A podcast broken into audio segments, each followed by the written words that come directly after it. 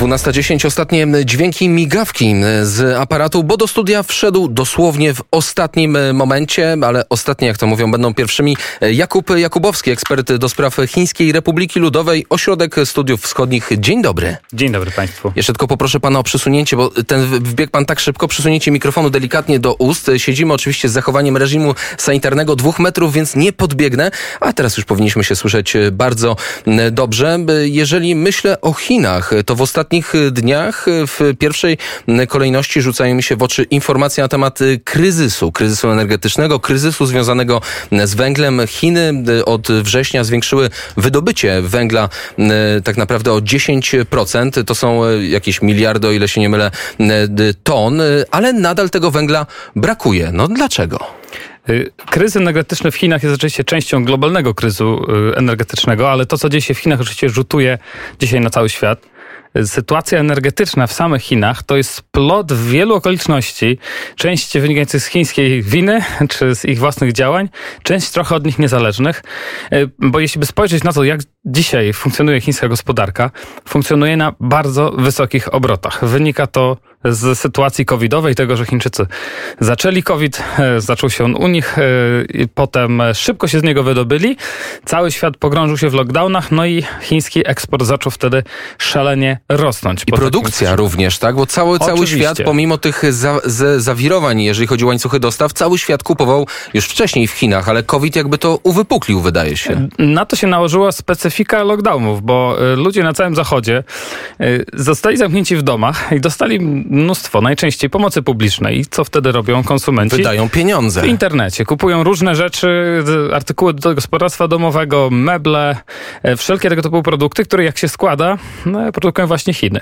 I to jest jeden ze składników tego, że chiński eksport i nadwyżka handlowa w ostatnim roku czy półtora niebywale wzrosła.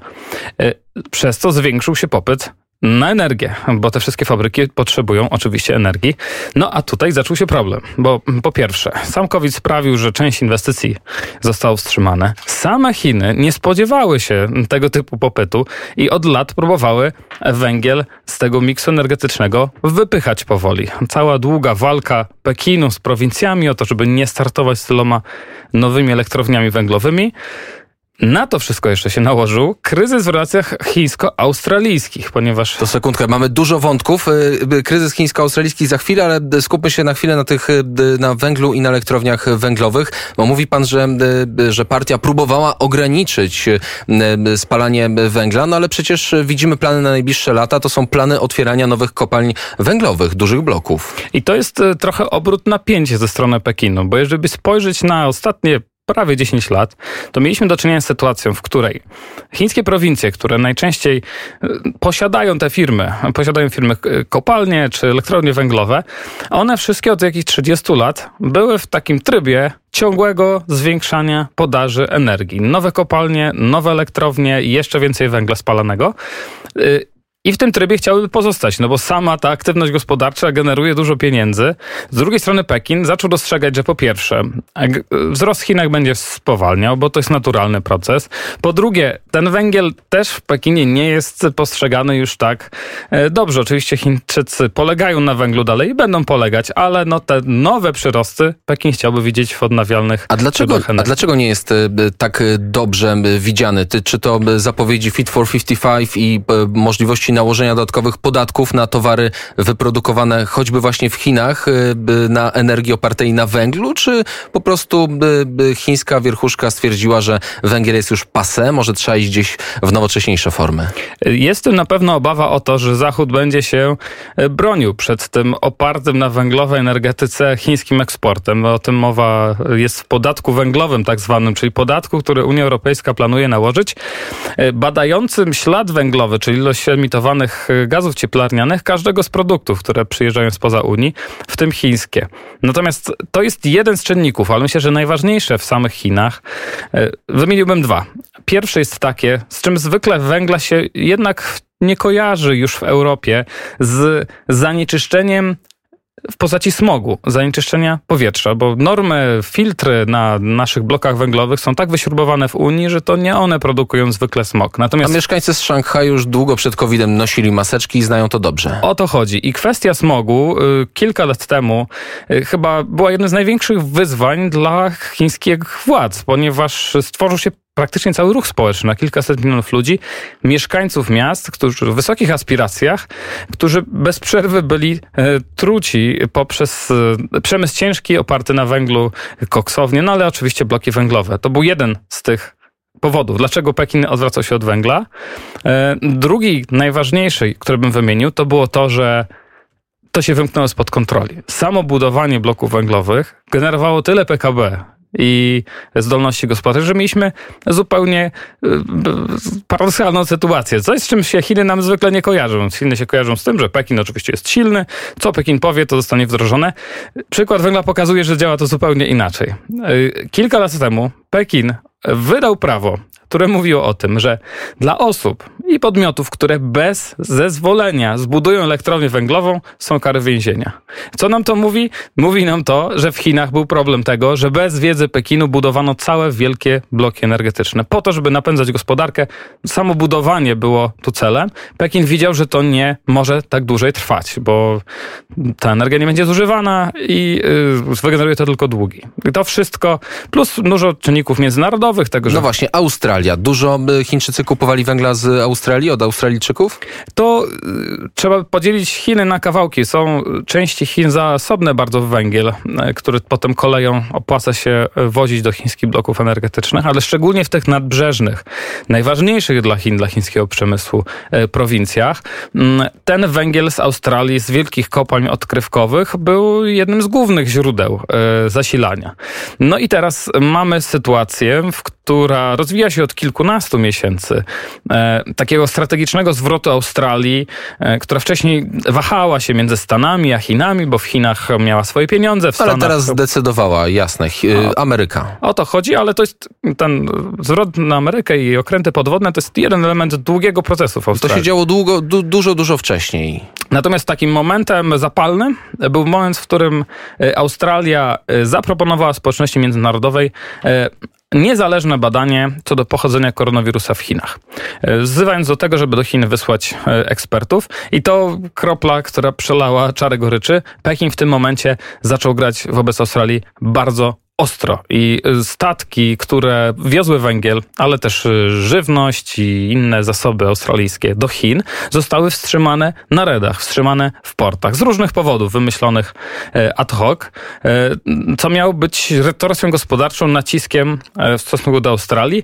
Do mediów wypłynął list ambasadora chińskiego w Australii, dający jakieś 15 punktów, co Australia musi politycznie zrobić, żeby wznowić tę sprzedaż. No i y, początkowo to uderzało przede wszystkim w Australię, która, tak pomijając wszystko, znalazła sobie alternatywne rynki, na przykład do Indii. Natomiast uderzało to głównie w Australię. Natomiast w tym momencie nadszedł kryzys energetyczny pokowidowy i okazało się, że ten węgiel jest potrzebny, bo energii I okazuje brakuje. się, że choćby w Mandżurii niektóre y, fabryki pracują 2-3 dni w tygodniu jedynie.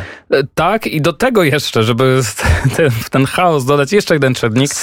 Sezon grzewczy niebawem. Dokładnie. W Chinach on funkcjonuje tak, że w większości miast ciepło takie systemowe jest pompowane dopiero w listopadzie. 15 listopada, rok do roku w kalendarzu. O to chodzi i to właśnie sprawia, że jeżeli mamy wcześnie chłodne zimy na północy, to ludzie dogrzewają się... Klimatyzatorami. Klimatyzatorami, farelkami, wszystkim tym innym, co szalenie zwiększa zapotrzebowanie na moc. Więc Chiny znalazły się w momencie, gdy północ, gdzie się stało chłodniej, zaczęła się grzać na potęgę, na południu za to, gdzie skoncentrowany jest przemysł lekki, zaczęto produkować na potęgę. Do tego odcięcie od węgla z Australii, y, lata starym Pekinu, żeby, żeby zmniejszyć wydobycie węgla, no jesteśmy w momencie, w którym rzeczywiście zaczyna się to odbijać na kondycji chińskiej gospodarki. Po prostu brakuje energii. Skoro odbije się to na kondycji chińskiej gospodarki, to skoro cały świat zakupuje w Chinach, to pewnie odbije się to może niekoniecznie na gospodarkach, ale choćby na brakach niektórych towarów w różnych krajach. Jak to może uderzyć w Europę, jak to może uderzyć w Polskę? W międzyczasie przyszła kawa. Kawa jest czarna, węgiel jest czarny, węgiel pomaga, dziękuję bardzo, w produkcji energii. Wróćmy do towarów. Czy możemy spotkać się niebawem z większymi brakami, bo braki te już występują, choćby jeżeli chodzi o procesory, choć tu chyba raczej chodzi o Tajwan. Sporo Pole wątków. Polecałbym e, zastanowić się nad zakupem e, świątecznych prezentów dla już rodziny teraz. już teraz, e, żeby być no, po bezpiecznej No właśnie, bo przecież chińskie fabryki już od kilku tygodni produkują te prezenty, stąd też e, to zapotrzebowanie energetyczne. Dokładnie. Kolejny czynnik, który do tego chaosu, do tego kotła gotującego się jeszcze do, dorzuca i podkręca ogień, czyli to, że zbliża się okres świąteczny, który porządku, znaczy to jest najważniejszy moment, okres w chińskiej gospodarce od lat. Wtedy zaczynają właśnie być produkowane. Wszystko to na szał zakupowy e, Europie związane ze świętami, ale i szał zakupowy w Chinach, który jest związany między innymi ze świętem 11 listopada, czyli dniem singla, który wymyślił twórca Alibaby.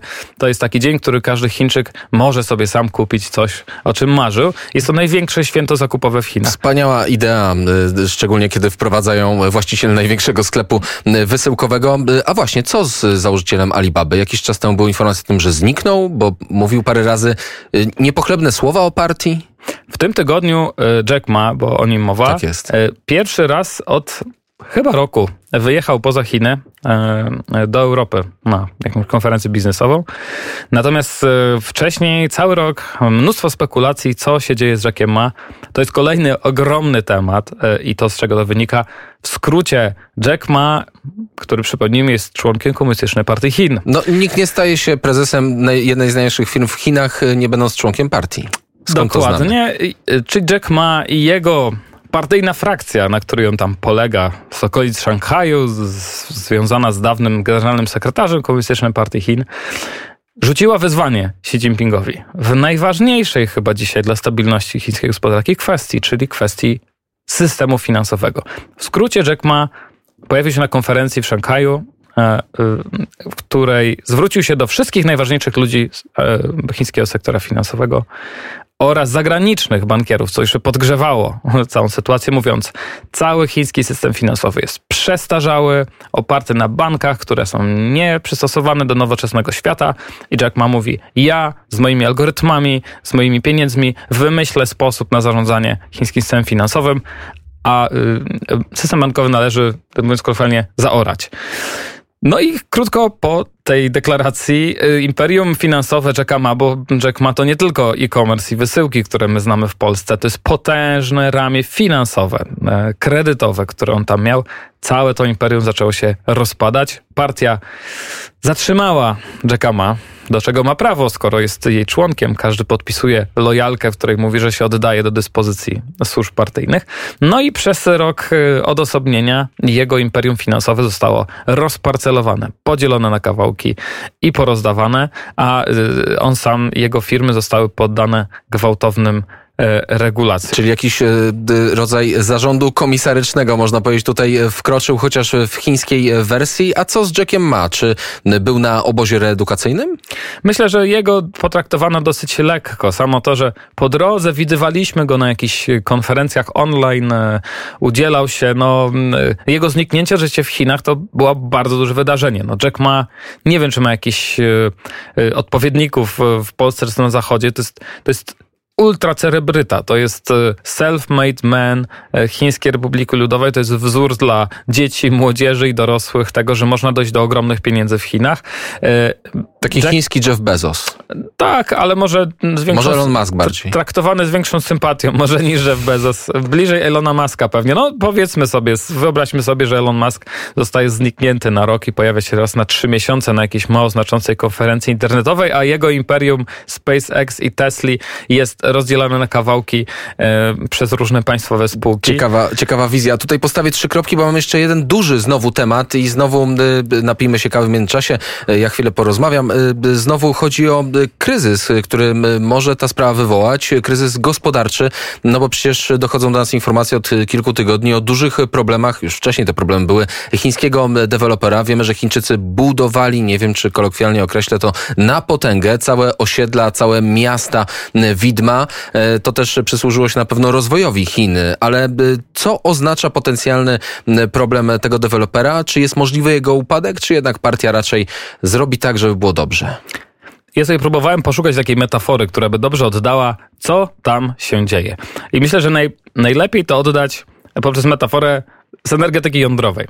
Więc system, znaczy chiński sektor mieszkaniowy, budowy mieszkań, deweloperski, to był taki ogromny, wielki atomowy reaktor, uruchomiony w zasadzie w czasie kryzysu 2008 roku, kiedy cały świat pikował w dół, w Pekinie podjęto decyzję, że trzeba ten utracony eksport, ten wielki szok zasypać pieniędzmi, które wtłoczono do ogromnego już wtedy chińskiego systemu właśnie deweloperów państwowych, powiązanych z partią zawsze, ale no bardzo dużego, zróżnicowanego, e, gdzie jest kilku tych ogromnych graczy, jak e, właśnie Evergrande, mm, e, ten, o którym mówimy, który ma dzisiaj najwięcej problemów, ale za Evergrande są dziesiątki, jeśli nie setki bardzo podobnych historii.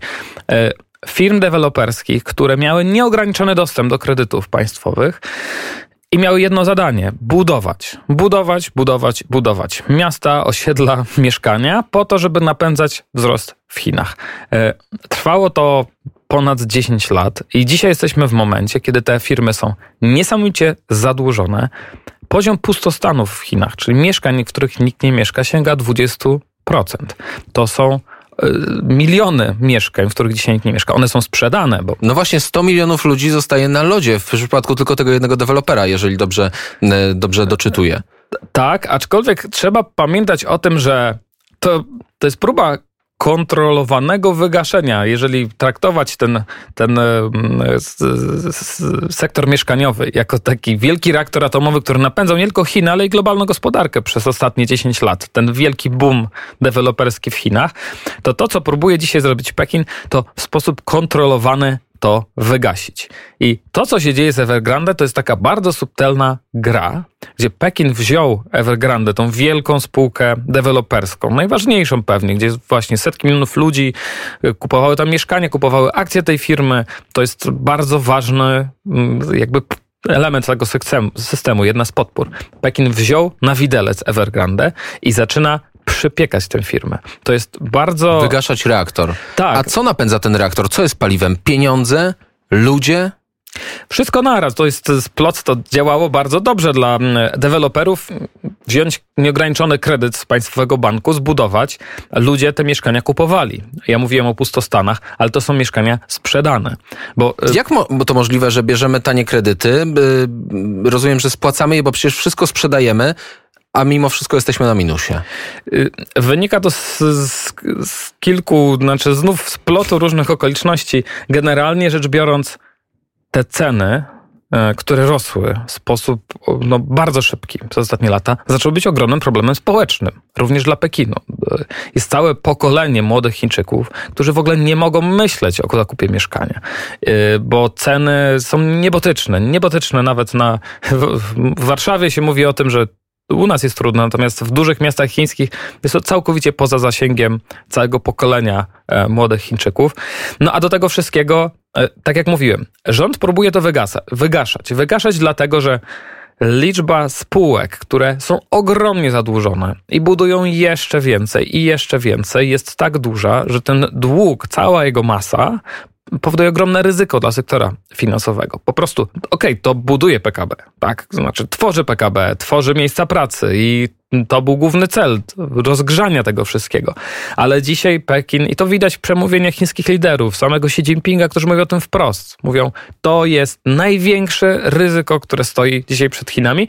To, że ta wielka bańka i ten wielki nawis długu, który wisi nad, nad Chinami, że ona w jakiś sposób może pęknąć. I tylko jedno zdanie.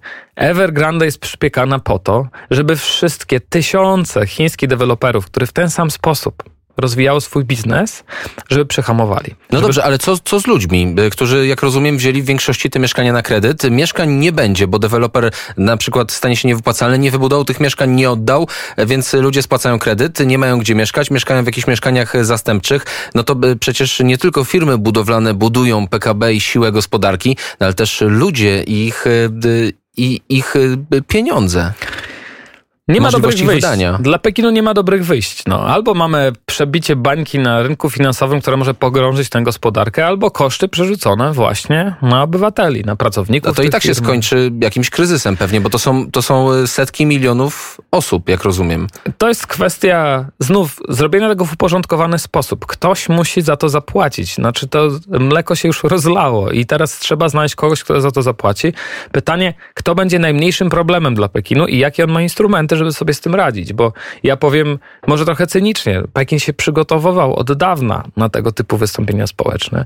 I na przykład pękanie różnych piramid finansowych w Chinach już y, no, setki idące y, li- liczby protestów wywoływało w Chinach. Ludzi, którzy się skrzykiwali w internecie, y, umawiali w Pekinie pod y, instytucjami nadzorującymi system finansowy, że stracili oszczędności życia. Tych, setki tego typu zdarzeń i już myślę, że miliony ludzi, którzy traciły na tym oszczędności. Natomiast Pekin jest na to bardzo mocno przygotowany, bo ma cały ogromny aparat inwigilacji, który czyta wiadomości tych ludzi, jak rozmawiają w internecie i się skrzykują na mediach społecznościowych, ich po prostu literalnie wyłapuje w momentach, w których jadą na protesty.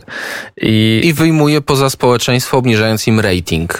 Jest to jeden z dokładnie z narzędzi, z całego szeregu narzędzi sz- szerokiego, które Pekin ma, żeby sobie z tym radzić. No, oczywiście, jeżeli 100 milionów ludzi naraz straci oszczędności życia, to myślę, że nawet najbardziej zaawansowane, uzbrojone w algorytmy państwo autorytarne sobie z tym nie poradzi.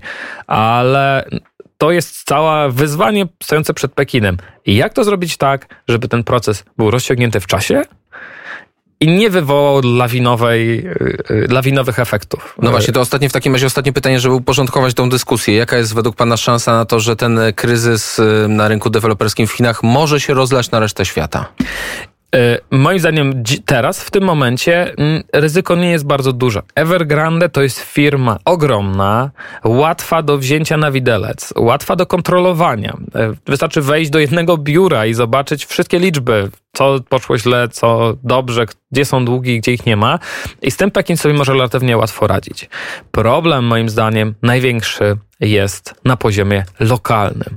Tysięcy czy dziesiątek tysięcy małych deweloperów zadłużonych w małych chińskich bankach. To jest wszystko powiązane z, re, z regionalnymi strukturami partyjnymi. To są wszystko dzieci, czy bracia, czy siostry y, urzędników partyjnych, ale to tam w tym takim splocie z dziesiątek tysięcy firm, długów, niejasnych przepływów finansowych, to tam kryją się ryzyka, bo Evergrande jest dosyć proste, jest wielkie i łatwe do zarządzania, dlatego można to robić. A jeżeli jakaś negatywna reakcja łańcuchowa czy kryzys miałby się zacząć, to ja bym ich szukał w miastach drugiego czy trzeciego, trzeciego rzędu, które nagle jak domek z kart e, czy domino zaczną się sypać. I tu stawiamy kropkę, a sytuację przedstawił Jakub Jakubowski, ekspert do spraw Chińskiej Republiki Ludowej, Ośrodek Studiów Wschodnich. Dziękuję bardzo za rozmowę. Dziękuję również. I do y, usłyszenia i do zobaczenia, mam nadzieję, niebawem. A teraz zaśpiewam Sanach. Projekt Nieznajomy nie kłamie.